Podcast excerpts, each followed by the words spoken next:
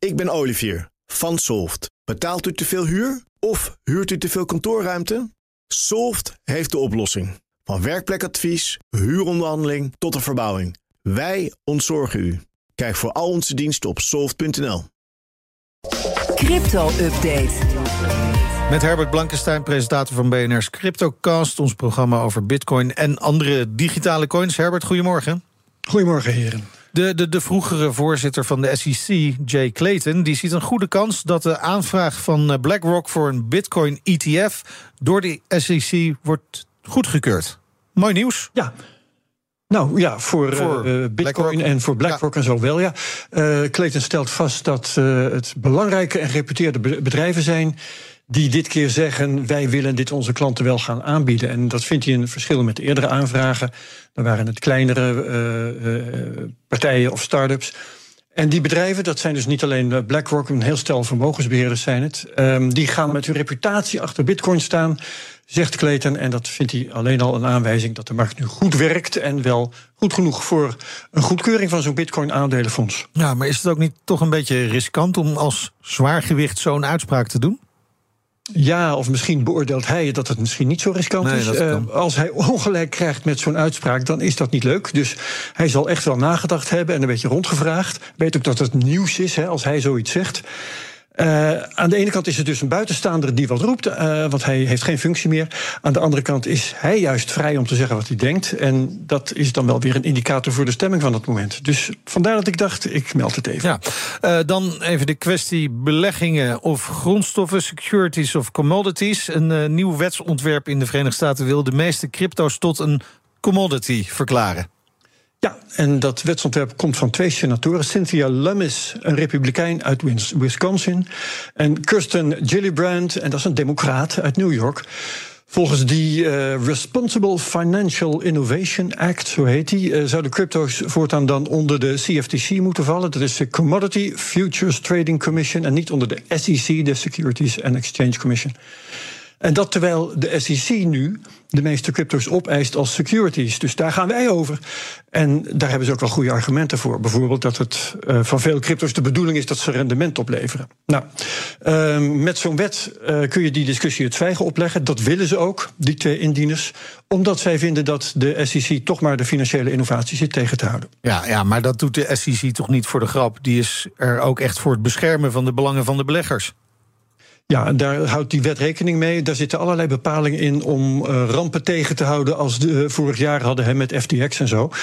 Eh cryptobeurzen zouden klantengoeden gescheiden moeten opslaan van hun eigen geld. Ze zouden niet mogen meehandelen op hun eigen platform, met eigen tokens. Er zijn ook regels voor het bewaren van crypto voor klanten.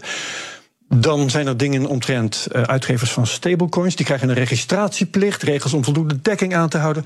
Nou, dit is allemaal nog lang geen wet. Maar eh, ook in de VS is dus op dit moment volop van die regulering in de maak. Ja, er is ook weer een nieuwe toepassing bedacht voor NFT's. Je Rolex verpanden bij de digitale lommerd. Ja. Zijn ja, de twee start-ups werken daarin samen. Eh, Arcade heet de een, 4K heeft de ander. Dus stel je hebt een Rolex en je hebt geld nodig. De combinatie lijkt me een beetje moeilijk, maar Ja. alles kan. Ehm, dus het is misschien geen grote markt, maar het kan aan de andere kant ook wel werken voor andere dure dingetjes, juwelen of zo. Dus jij stuurt je Rolex of een ander peperduur horloge naar 4K. Dat is een escrow-dienst. Dus dat is een derde partij die iedereen vertrouwt. En zoals je weet vertrouwen wij allemaal 4K. Ehm 4K stuurt jou een NFT terug. Dat is de rol van de NFT. Die bewijst dat je die Rolex hebt ingeleverd. Het is een soort eigendomsbewijs. Nou, dat ding wordt dan het onderpand waarmee jij naar Arcade gaat.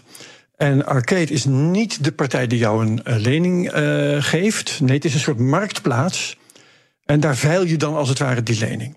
Nou, dus, eh, het werkt ook al. Er zijn afgelopen weken horloges verpand voor 15.000 dollar tot 35.000 dollar. Rentes van 12 tot 15 procent op jaarbasis.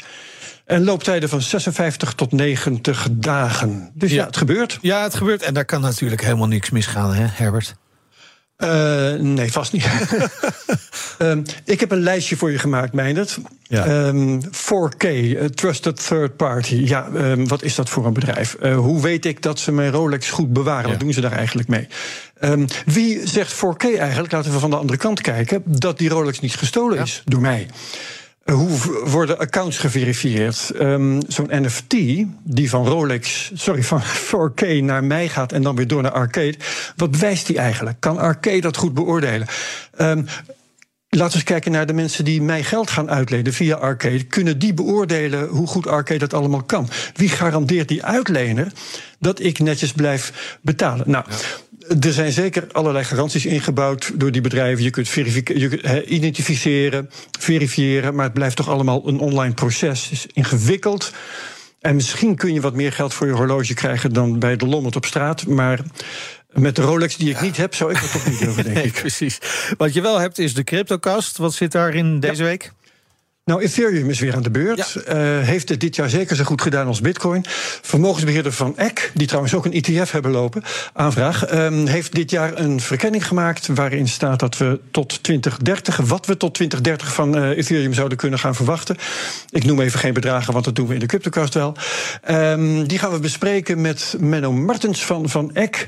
Er is een basisscenario, een bear scenario en een bull scenario. Allemaal heel spannend. En we leggen ze op de snijtafel met co-host Jacob Boersma. Ja, en ik heb al een stukje daarvan geluisterd. Zeker de moeite waard. Bedankt Herbert. Alle afleveringen van de CryptoCast zijn natuurlijk te horen via de BNR-app, bnr.nl of een podcast-app die jij graag gebruikt. De crypto-update wordt mede mogelijk gemaakt door Bits, de Bitcoin-spaardienst van Bitonic. Ik ben Olivier van Solft. Betaalt u te veel huur of huurt u te veel kantoorruimte? Solft heeft de oplossing. Van werkplekadvies, huuronderhandeling tot de verbouwing. Wij ontzorgen u. Kijk voor al onze diensten op soft.nl.